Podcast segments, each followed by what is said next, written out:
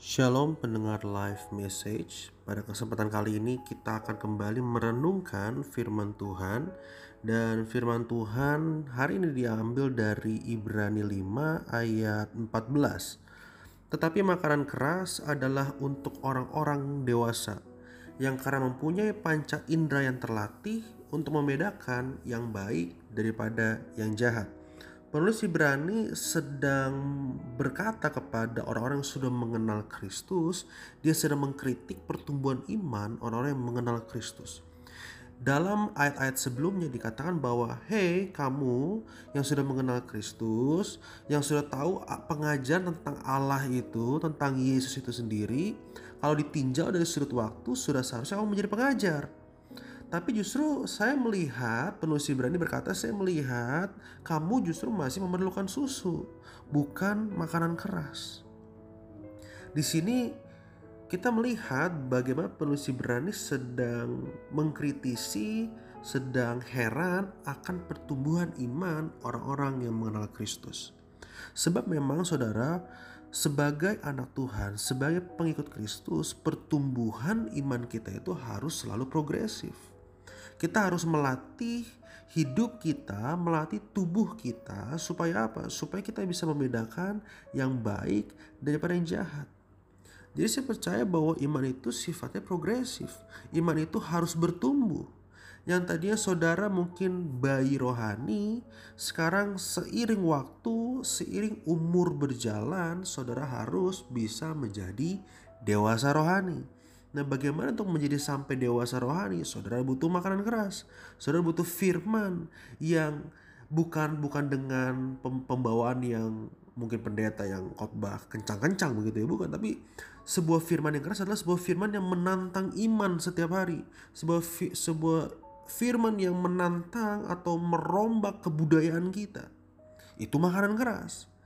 Jadi makanya makanan keras itu bukan soal di di dibaik-baikin lagi tapi bagaimana kita punya sebuah apa ya, sebuah kesadaran bahwa kita ini butuh ditantang imannya. Kita ini butuh berubah. Nah, itulah makanan yang keras. Nah, makanan yang keras ini akan melatih panca indera kita, Saudara, untuk membedakan yang baik daripada yang jahat. Kita bisa membedakan yang baik dan jahat itu maksudnya apa? Baik dan jahat itu adalah yang jahat itu weak, ya, wicked yang artinya kelicikan. Kita harus bisa membedakan kelicikan dalam hati kita.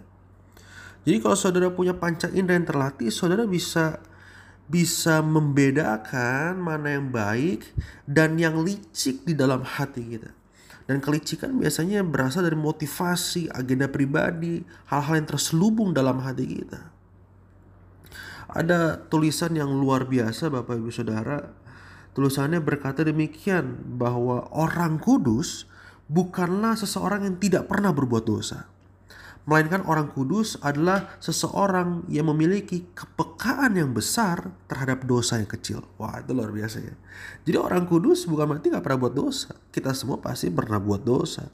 Tapi orang kudus kita itu punya kepekaan, punya panca indera yang terlatih untuk bisa apa? Membedakan mana baik dan jahat. Bisa menemukan dosa yang kecil, dosa yang terselubung di dalam hidup kita. Itulah orang kudus.